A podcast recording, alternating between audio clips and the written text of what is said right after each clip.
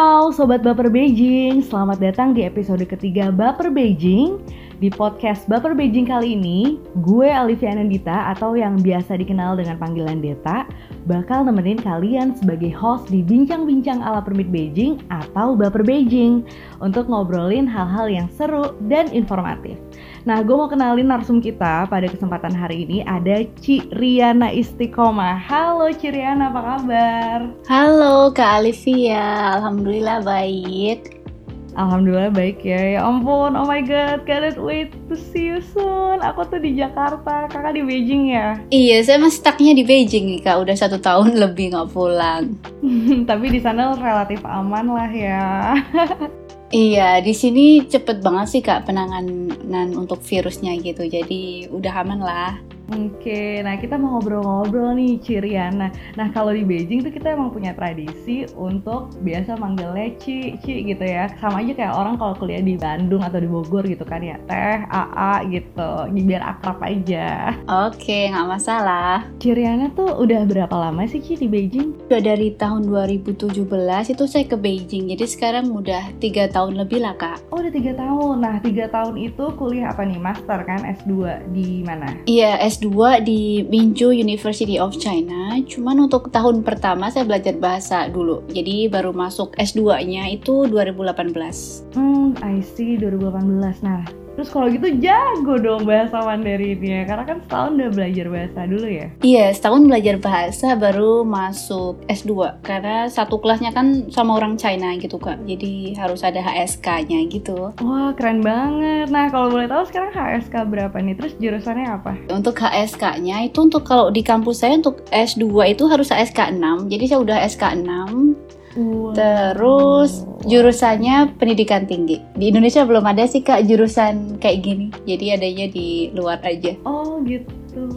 Betul. Oh gitu, I see keren banget. Makasih. Ya ampun, gak kebayang HSK 6 kayak gimana. Karena aku sendiri kan aku uh, kuliah S2 di Tsinghua, tapi itu international international program. Jadi aku nggak pakai bahasa Mandarin. Jadi aku di sana kayak aduh pakai bahasa bahasa apa aja deh supaya orang-orang di sana ngerti maksud aku gimana. Oh ya kan Kiriana ngobrol-ngobrol dong asal muasal Kenapa akhirnya lo bisa pilih kuliah di Beijing sih? Iya, jadi dulu awal-awal itu saya suka banget sama salah satu penyanyi. Dia sebenarnya dari Taiwan sih kak, cuman saya pikir asal dia ngomong Mandarin, saya pikir dari China gitulah. Nama dia Jay Chou. Terus sejak itu saya kayak harus banget belajar Mandarin terus pengen banget ke China gitu. Akhirnya demi Jeco saya terbanglah ke negeri China untuk ngambil S2. Oh my god, keren banget. Jadi emang udah ngeplan dari awal dan emang pengen punya cita-cita dan tujuan visi misi yang jelas untuk kuliah di Beijing, di China gitu ya. Aku tuh kayak kecelakaan gitu nggak kecelakaan sih. Lebih tepatnya kalau aku tuh kayak riset panjang lebar terus lihat kira-kira yang prospek ke depannya bagus, cerah itu di mana sih? Nah, aku baru kira oh oke, okay, Beijing is uh, kayak China is gonna be the most powerful in the world. Jadi kayak oke okay, aku pilih China gitu. Iya, itu kecelakaan yang baik sih. Ini lucu ya. Ya udah dirisetin dulu. nah, kalau kita kan sering banget ya dari kecil tuh kita sering banget dengar di kalangan masyarakat Indonesia itu kita nggak asing lagi dengan dengan ungkapan tuntutlah ilmu walau sampai ke negeri China. Nah, apa sih maknanya dari statement itu buat Ciriana pribadi? Iya, kalau buat saya pribadi ya kak ya, kalau tuntutlah ilmu sampai ke negeri China itu emang worth it banget sih kayak bener banget sih gitu karena bahkan zaman Nabi aja udah menyebut seperti itu, apalagi sekarang. Bang, pertama itu kita juga tahu bahwa China itu sekarang ekonominya lagi yang hits hmm. banget gitu lah kak. Terus yang kedua itu untuk kualitas pendidikan yang di China, terutama di Beijing sudah sebagus ini dengan biaya pendidikan yang enggak mahal itu ya, relatif murah. Iya, relatif murah sih kak sebenarnya dibanding dengan negara-negara Eropa gitu. Mm -hmm. Iya aku juga kayak iya aku tuh kayak sempat oh oke okay, tuntut tuntutlah ilmu walau sampai ke negeri China. Nah, terus aku tak ini apaan sih? Ini, ini tuh statement apa sih?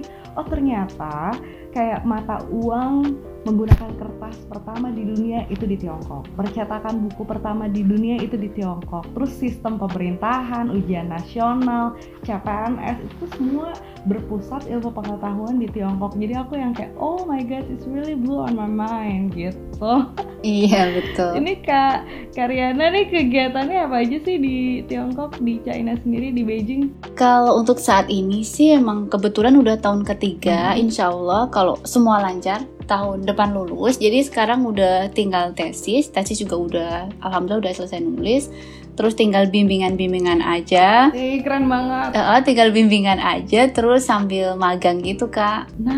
Nice, wah kalau gitu di sana bisa dong ya magang. Karena teman-teman aku juga pas selama kita di sana tuh kayak, aduh sebenarnya kalau untuk cari opportunities kerja di sana tuh rada-rada susah karena harus bisa bahasa Mandarin dan kebetulan kita tuh internasional karena tidak direncanakan dari jauh-jauh hari. Jadi kita tuh kayak susah cari peluang kerja. Nah by the way tuh buat cari peluang kerja ataupun magang susah nggak sih di sana? Uh, Sebenarnya nggak susah sih kak. Jadi kayak misalnya aja ada beberapa tempat magang yang memang mengharuskan harus bisa bahasa Mandarin. Misalnya kayak saya dulu pernah di Best Easy itu untuk translate film-film China ke bahasa Indonesia itu kan harus bisa bahasa Mandarin. Terus tapi ada beberapa yang memang asal orang Indo aja, asal bahasa ibunya Indo aja itu udah bisa kak saya juga kemarin terakhir juga tempat itu yang nggak perlu skill bahasa Mandarin itu nggak masalah. Oh, jadi sebenarnya ada aja peluang kalau mau nyari gitu ya? Betul. Itu gimana tuh pengalaman magangnya, Kak? Uh, pengalaman magangnya sih pertama asik, yang kedua uh, karena yang terakhir itu di iMagic kayak tempatnya Siri itu loh kak kayak Siri di iPhone ah. itu kan ah. kita bisa order sesuatu pakai suara tuh. Nah itu tuh asal kita bisa tahu bahasa ibunya bahasa Indo aja udah bisa gitu gitu asik sih dapat duit juga gitu. Wih itu kayak cuan for life. Itu singkatan plesetan dari Yuan for life. Ya nggak sih? Iya sih. Betul betul betul. Keren banget. Jadi di sana udah banyak kegiatannya juga lah ya pengalaman di sana. Menyenangkan nggak di Beijing? Dan sebelum berangkat ke Beijing ada nggak sih ekspektasi oh my god Beijing kayak apa ya? Atau mungkin Beijing A B C D gitu. Tapi ternyata pas udah sampai ke Beijing sendiri oh apa nih yang kira-kira banyak orang Indonesia nggak tahu tentang ap kayak apa sih kota Beijing? Sebelum saya berangkat ke Beijing itu kan saya izin sama orang tua dulu nih kak. Mm. saya mau ada plan buat ke Beijing nih gitu pengen lanjut S2 terus orang tua kayak ntar gimana kamu kalau mau mencari makanan halal ntar gimana sholatnya? Terus uh, susah enggak gitu gitu kan. Mm-hmm. terus akhirnya saya pikir ya udahlah like I try to out from my comfort zone gitu. Setelah sampai sini ternyata emang nggak semenyeramkan yang orang-orang Indonesia pikir China seperti apa gitu kak. Nyampe sini ternyata aduh nggak mau pulang nggak mau balik lagi kayaknya deh iya aku juga betah sumpah aku betah banget loh sumpah di Beijing. Nah kan uh, kita muslim nih ya cari makanan. Kalau kakak di tempat kakak sendiri nih itu susah nggak sih cari makanan halal? Di kampus saya pribadi ya kak ya di kampus saya itu ada empat kantin dan untuk kantin muslim itu ada dua kak. Jadi kayak gampang banget gitu bangun tidur keluar jalan kaki berapa meter udah deh makan makanan halal gitu. Ah I see aku tuh kadang suka ketuker-tuker skaci kadang-kadang skaka ya sama aja. Mbak juga boleh. Ah, iya iya benar-benar. Kita tuh di sana sangat multicultural environment ya sebenarnya di Beijing tuh. Karena kan di Beijing tuh banyak banget teman-teman aku juga pada nanya uh, Dad kalau gitu lo bakal di sana bakal main sama orang-orang lokal dong. Terus kayak ah enggak ah gue maunya kalau kuliah maunya di luar negeri yang uh, negara barat gitu. Karena kan biar banyak lebih multicultural environment gitu. Terus aku kayak ah enggak kok ya ampun Beijing tuh nggak kayak gitu. Beijing tuh udah sama kayak New York. Dan Beijing tuh luas banget ya kak ya. Jadi kayak Beijing tuh uh, 10 kali lipatnya Jakarta, 5 kali lipatnya New York. Jadi sebesar itu dan sangat multicultural environment, segala ras tuh ada, expat banyak banget, international students bejibun. Jadi kalau seandainya mau ngegebet, mau cari pacar dari negara mana, aduh semua tersedia deh ya nggak sih? Di sana juga kan ya, di tempat di lingkungan uh, kampusnya Cici juga gitu kan ya? Iya betul. Bahkan di kampus saya tuh orang Indonesia-nya cuma tiga orang kak. Awal tahun cuma saya sendiri. Hah, sumpah gitu banget. Iya emang nggak ada. Kayaknya belum pada tahu deh kampus saya. Ah. Jadi kayak semuanya emang uh -uh, dari kayak Eropa, dari Asia Tengah dari Amerika gitu. Iya banyak banyak ya. Uh, terus jadi kayak makanan tuh kita nggak susah lah ya untuk cari yang halal halal. Terus kalau sholat, kalau sholat gimana? Susah nggak buat cari tempat ibadah? Kalau untuk tempat ibadah sendiri, ketika saya berada di area saya, maksudnya berada di area kampus, itu saya biasa sholat di kamar sih kak. Cuman kalau pas lagi keluar, lagi jalan gitu, kita bisa kayak saya biasanya pakai aplikasi namanya Muslim Pro gitu. Jadi kayak bisa ngasih tahu di mana masjid terdekat itu banyak banget sih kak. Hmm, I see, I see. Hmm.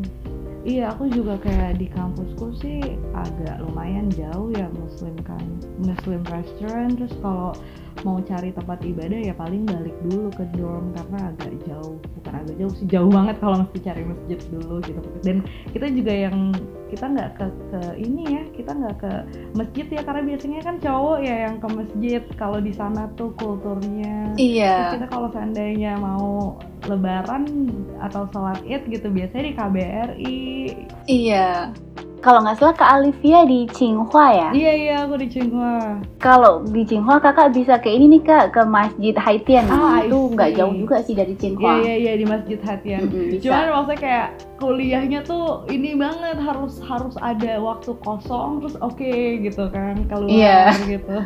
Karena kalau aku Betul. aku aja semester 2 itu ya kuliah dari Senin sampai Minggu. Mm -hmm Nah, kuliah di di di di Tiongkok tuh panjang harinya. Terus aku juga punya pengalaman kalau aku tuh sampai jam 11 malam ada di kelas dan di depan aku tuh ada dosen yang lagi ngajar jam 11 malam. Kalau kalau Ciriana kayak gitu juga nggak? Iya, itu waktu saya awal-awal S2 itu bahkan sampai jam ya jam 11 10 11 gitu sih Kak. Jadi kayak iya, kan? ya ampun ngapain jam segini gitu. iya kan? Aduh ngantuk banget parah. Sumpah, tapi emang beda ya pendidikan pendidikan di Tiongkok sama di Indonesia tuh emang rada-rada beda ya maksudnya uh, ya emang mereka tuh strict banget gitu emang mereka tuh hidupnya tuh terstruktur rapi sistematis bahkan sadar sama kesehatan juga ya kalau pagi-pagi ya gak sih suka lihat orang olahraga kalau pagi biasanya anak mahasiswa itu tempat saya pada olahraga kayak senam gitu. Kalau orang tua sore-sore itu pasti kak di jalan tuh kayak apa ada ikut senam-senam gitu. Orang buat orang-orang tua biasanya mereka bilang buat laut hole gitu. Oh iya. Sehat banget kayak hidupnya. Oke okay, ini yang sering banget ditanyain semua orang apalagi sobat netizen.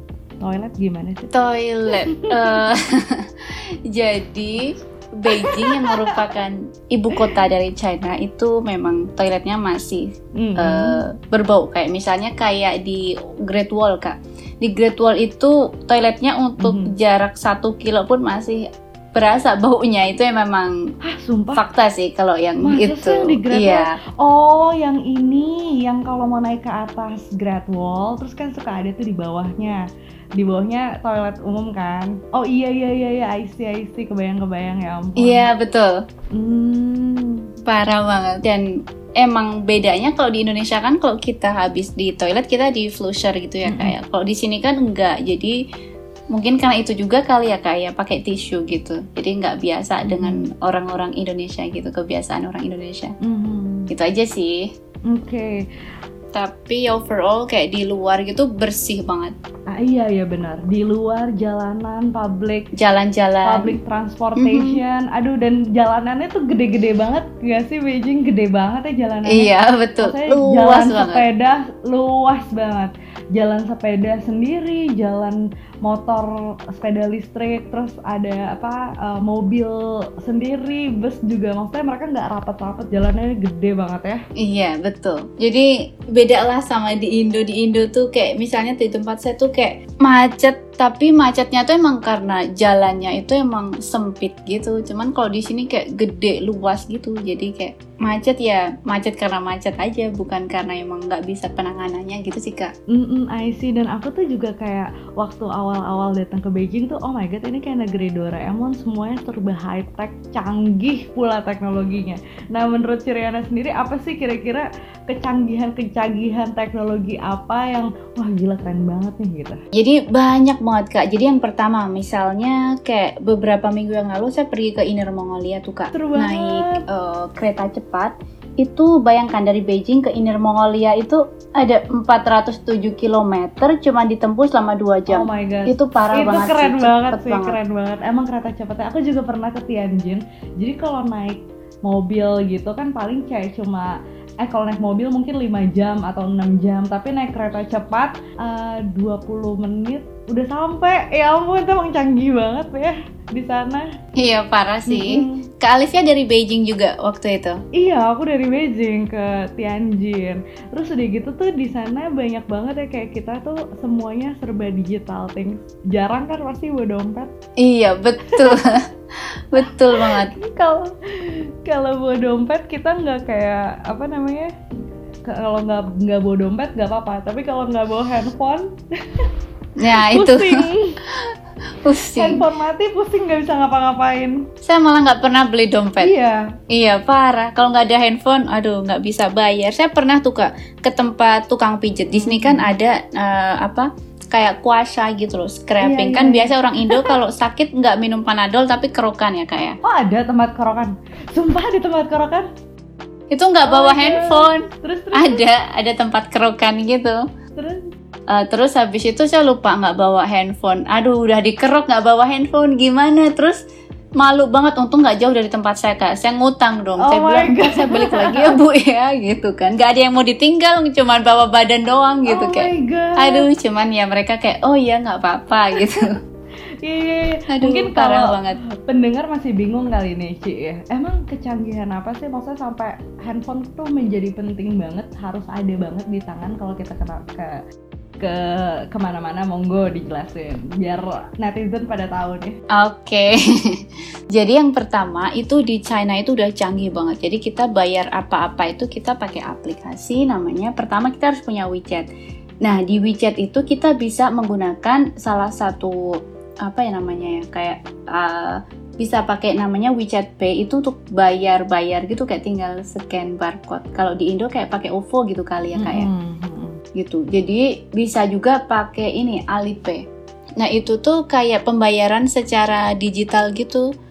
Jadi kita saya bahkan di China itu udah tiga tahun saya nggak pernah beli dompet karena kayak buat apa gitu loh. Mm -mm. Buat nyimpan kartu juga kartu nggak perlu juga. Iya, even juga di warung-warungnya juga kita, maksudnya kalau di sini mungkin bisanya di Indonesia tuh bayar digital atau pakai kartunya tuh kalau di tempat restoran aja. Ini tuh kalau di warung-warung juga semuanya scan-scan gitu kan, scan-scan barcode. Malah tau nggak sih aku pertama kali shock gara-gara itu dia scan muka, scan wajah, face recognition, mm -hmm. terus uangnya ketarik dong dari bank accountnya mereka dan itu buat orang lokal kan ya. Kalau kita kan uh, foreigner, international students, jadi kayak oh kalau ternyata kalau orang lokal mereka lebih canggih lagi. Terus aku pernah ke Mac 5 gitu, uh, company visit itu ternyata kenapa kayak isu-isu sosial kan kayak terorisme gitu tuh nggak ada di Beijing karena tiap kali kita ke mana itu mukanya langsung ke scan mm-hmm. sama CCTV yang ada di sana dan pemerintah Tiongkok tuh langsung tahu gitu ya kita tuh orang mana dari negara mana uh, identitas kita tuh semua langsung kayak diketahui jadi mereka nggak pernah kecolongan sama hal-hal isu-isu sosial dan kejahatan gitu. Dan Beijing tuh aman banget ya kak ya? Maksudnya kakak sendiri ngerasa aman gak sih di Beijing tuh tinggal di Beijing? Iya sih kak. Jadi kayak bener-bener aman banget sih. Kayak misalnya uh, saya tuh waktu tuh pernah order namanya Holala kayak Gosen kali ya kalau di Indonesia itu tuh mereka tuh misalnya mereka melanggar uh, aturan lalu lintas itu mereka akan langsung kerekam gitu ke otomatis. Jadi mereka bakal kena denda gitu kayak takut gitu nggak Iya, kayak iya, di iya, Indo bener, gitu. bener, bener. jadi kayak aduh canggih banget. Iya canggih banget. Dan juga kayak pokoknya kalau mau pulang pagi, pulang malam, pokoknya kita nggak takut diculik aja ya, kayak aman aja gitu negaranya. iyalah aman banget. Di sini tuh kayak 24 jam ada orang mulu gitu Iya, kan iya, nggak iya, pernah sepi jadi aman-aman aja aman, gitu aman. Dan kayak nggak ada orang yang kita juga nggak ketakutan orang bakal jahat ke kita ya. iya betul Oh ini nih sama ini Chinese food di Indonesia sama di langsung dari Beijingnya sendiri tuh eh, rasanya beda nggak sih? Jadi buat semua pendengar podcast Baper Beijing harus banget datang ke Beijing kalau mau rasain makanan Chinese food yang asli itu gimana sih gitu. Bener harus ke Beijing karena rasanya beda banget. Beda banget ya.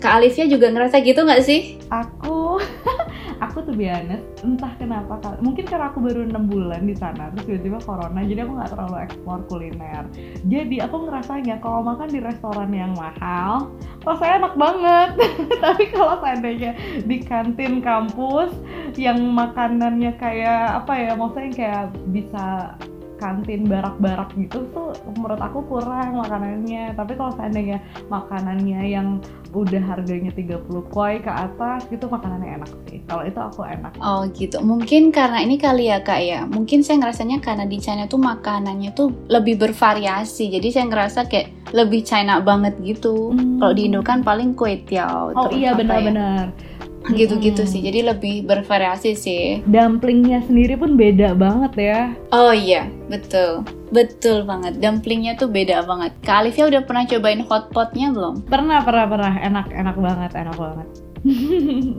Kalau buat pecinta pecinta kuliner dan dia muslim itu bahkan hotpot yang halal itu banyak banget di Beijing. iya iya banyak banyak banyak Parah banget. Banyak sih tahu ke para pendengar podcast. Iya, jadi kalau ada para pendengar podcast kita terus kayak oh my god kita mau liburan ke Beijing coba deh kalau saya kita lagi di Beijing kontak-kontak teman-teman permit Beijing atau teman-teman PPI Tiongkok siap membantu untuk kulineran ya Betul.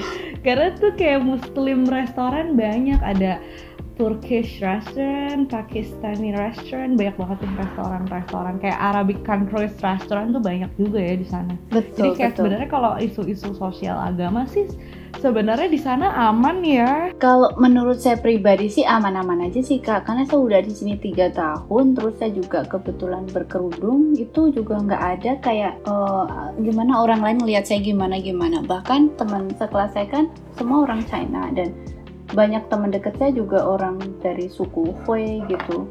Jadi suku Hui itu merupakan salah satu suku mayoritas Muslim di Mhm. China gitu kak. Jadi mereka kayak fine fine aja gitu. I see, iya iya iya. Dan teman-teman aku yang pakai kerudung sih sejauh ini emang kita nggak pernah kena diskriminasi gitu ya. Mereka tuh sangat ramah dan humble ya, hangat gitu orang-orangnya. Betul. Bahkan beberapa orang China di kampus saya juga pakai kerudung tuh kak dari iya suku Hui gitu-gitu. Oh iya, nice. Oke, terus kita mau ngomongin sistem. Ch- China kan punya sistemnya sendiri kan. Nah dia tuh kayak punya apps ataupun produk-produknya sendiri. Pokoknya rasa rasa apa membangkitkan semangat eh, produk ciptaan dalam negeri tuh kuat banget. Nah kita tuh di sana kan nggak bisa pakai Google, WhatsApp, Instagram, adanya WeChat, Baidu, TikTok, dan kita harus uh, pakai VPN. Nah tipsnya nih, Ciriana, gimana menggunakan VPN agar kita bisa belajar dan mengakses situs-situs kayak Google dan lain-lain? Kalau saya pribadi itu saya beli VPN sih kak, pakai Astril itu nggak mahal juga sih satu tahun 800 RMB itu bisa untuk 5 device. Itu lancar jaya buat apa aja gitu, buat iya buat eh, laptop, buat handphone, buat Netflix kan, Iya, bahkan iya. itu juga. Lancar-lancar aja sih. Kalau mau free VPN juga ada, cuman mungkin akan banyak kayak advertisement gitu. Oh, I see. Jadi kalau mau mau berbayar ya 800 yuan, 800 yuan nggak nggak nggak 1, 1,6 lah ya, 1,6an. Tapi kalau mau yang gratis juga sebenarnya nyari ada aja, cuman agak keganggu sama advertisement ya. Iya betul, itu aja sih kak. Hmm, I see. Nah, mengenai jurusan-jurusan nih, kan kalau di Tiongkok atau sekolah di Beijing tuh identik sama sekolah bisnis yang terkenal bagus banget. Nah, kalau jurusan-jurusan lain sendiri kayak teknik, arsitektur, kedokteran, terus communication di Beijing. Nah, menurut uh, Ciriana sendiri gimana nih? Kalau setahu saya itu di Beijing, di Beijing sendiri ya kayak karena saya posisi di Beijing itu Eh, nggak uh, cuman bisnis aja sih kak, nggak cuman jurusan bisnis aja yang bagus. Kayak misalnya kalau di kampus saya itu kan Mincu University of China, Zhongyang Mincu Daxue.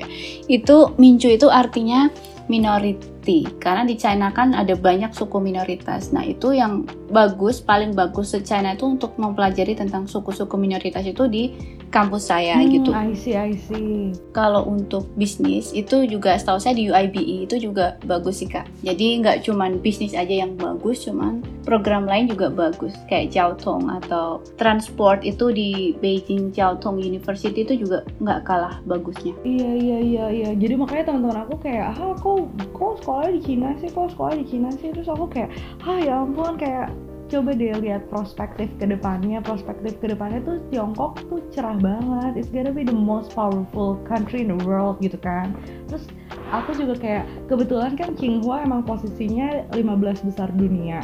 Tapi aku tuh kayak juga ngeliat nggak kalah keren kayak semua kampus-kampus yang di ada di Tiongkok itu tuh semua relatif balance dengan standar kurikulum yang higher educational level ya nggak sih? Iya sih betul betul. Mm -mm. nah kamu ada berencana nggak melanjutkan pendidikan lagi? Misalnya S3 gitu Waduh. atau lanjut spesialis apa gitu di Beijing Waduh, kalau untuk saat ini sih uh, belum sih kak. Jadi kayak pengen lulus dulu gitu. Cuman nggak tahu kalau tiba-tiba besok besok pagi tiba-tiba, aduh mau lanjut ah jadinya gitu kan? Nggak ada yang tahu juga gitu. Oke, okay. iya sih bener ya kayak peluang siapa yang tahu. Nah, terus sama saran untuk orang-orang yang masih ragu untuk sekolah, kuliah ataupun pergi ke Tiongkok untuk sekedar liburan, apa nih tips dan sarannya? Jadi sebenarnya nggak ada saran, cuman buat kalian yang masih ragu, nggak usah ragu deh, karena aku sendiri aja ngerasa kayak, aduh, harusnya gue datang lebih awal daripada yang direncanakan Tuhan nih gitu. Iya benar-benar. Jadi nggak usah ragu deh, karena emang harus banget ke sini. Iya benar banget. Harus banget. Aku juga mikir gitu, setuju setuju. Terus udah gitu juga kayak apa yang diberitakan di media sama pengalaman kita pribadi tinggal di Beijing tuh kayak beda banget ya. Kayak wow ternyata ini tuh jauh lebih keren dari apa yang diberitakan. Kayak terlalu tertutup negaranya. Enggak enggak juga. Mereka kayak sudah sosialis kapitalis dan mereka sudah pasar bebas yang luar biasa banget. Betul.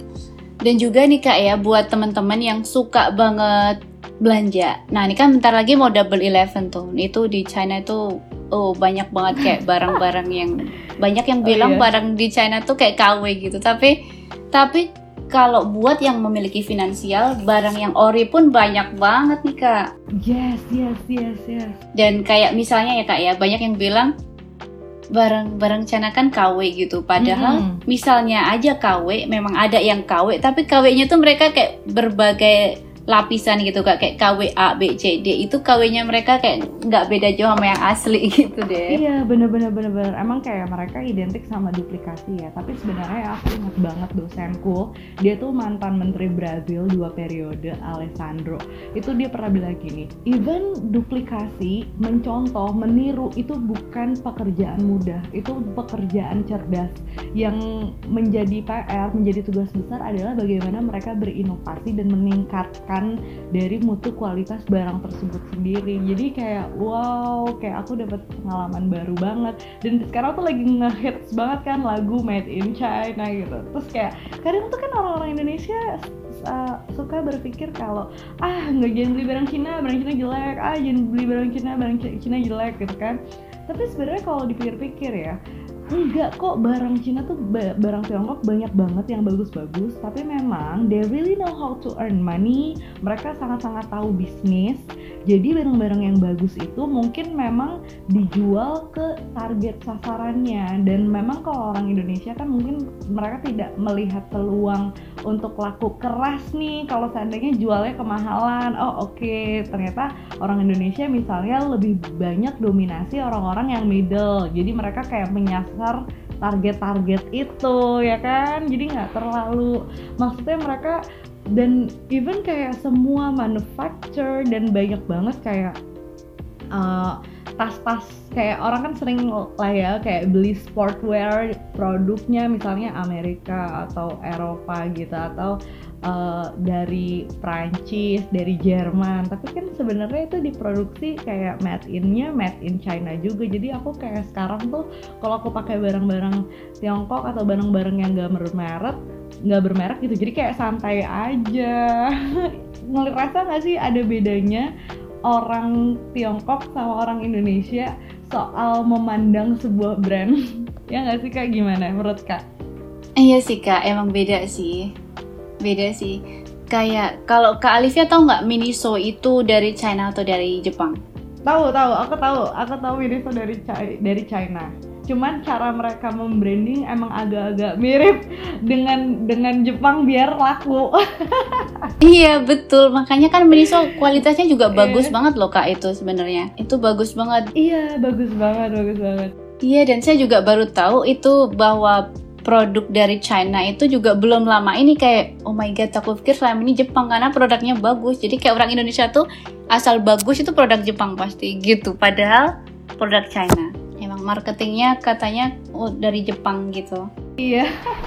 Dan yang ngebedain adalah orang kita kan mungkin lebih bangga ya kalau kita pakai barang-barang branded. Nah orang Tiongkok tuh nggak sama sekali uh, bangga sih. Kayak mereka nggak ada rasa pride memiliki sebuah barang brand keluaran terbaru. Iya nggak sih? Itu yang kayak mereka tuh justru nggak boleh kalau seandainya bangga keluaran luar negeri gitu. Karena kayak mereka menjaga asetnya dan masyarakatnya yang pasarnya besar banget. Jadi kalau seandainya pasarnya dikuasai asing itu justru diambang kehancuran dari market mereka. Mungkin itu kali yang bisa kita pelajarin dari Tiongkok ya. Kalau menurut Kariana sendiri apa sih yang kita bisa ambil uh, pelajaran apa yang bisa kita ambil dari Tiongkok? Emang betul sih kak. Jadi seharusnya kita sebagai orang Indonesia mungkin alangkah lebih baiknya kalau kita seperti itu juga kali ya. Jadi kayak cintai produk dalam negeri. Jadi mereka itu kak, uh, misalnya ada beberapa teman sekelas saya itu, misalnya ke teman-teman lain itu pada pakai iPhone gitu. Cuman beberapa teman mereka tuh mereka bener pakai Xiaomi, Redmi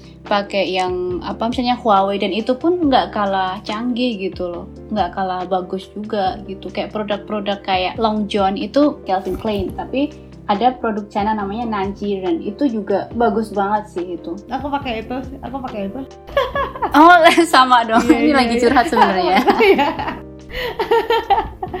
okay, the last question nih. Apa pesan-pesan buat teman-teman podcast, teman-teman pendengar podcast Bad per Beijing yang dari tadi udah dengerin kita?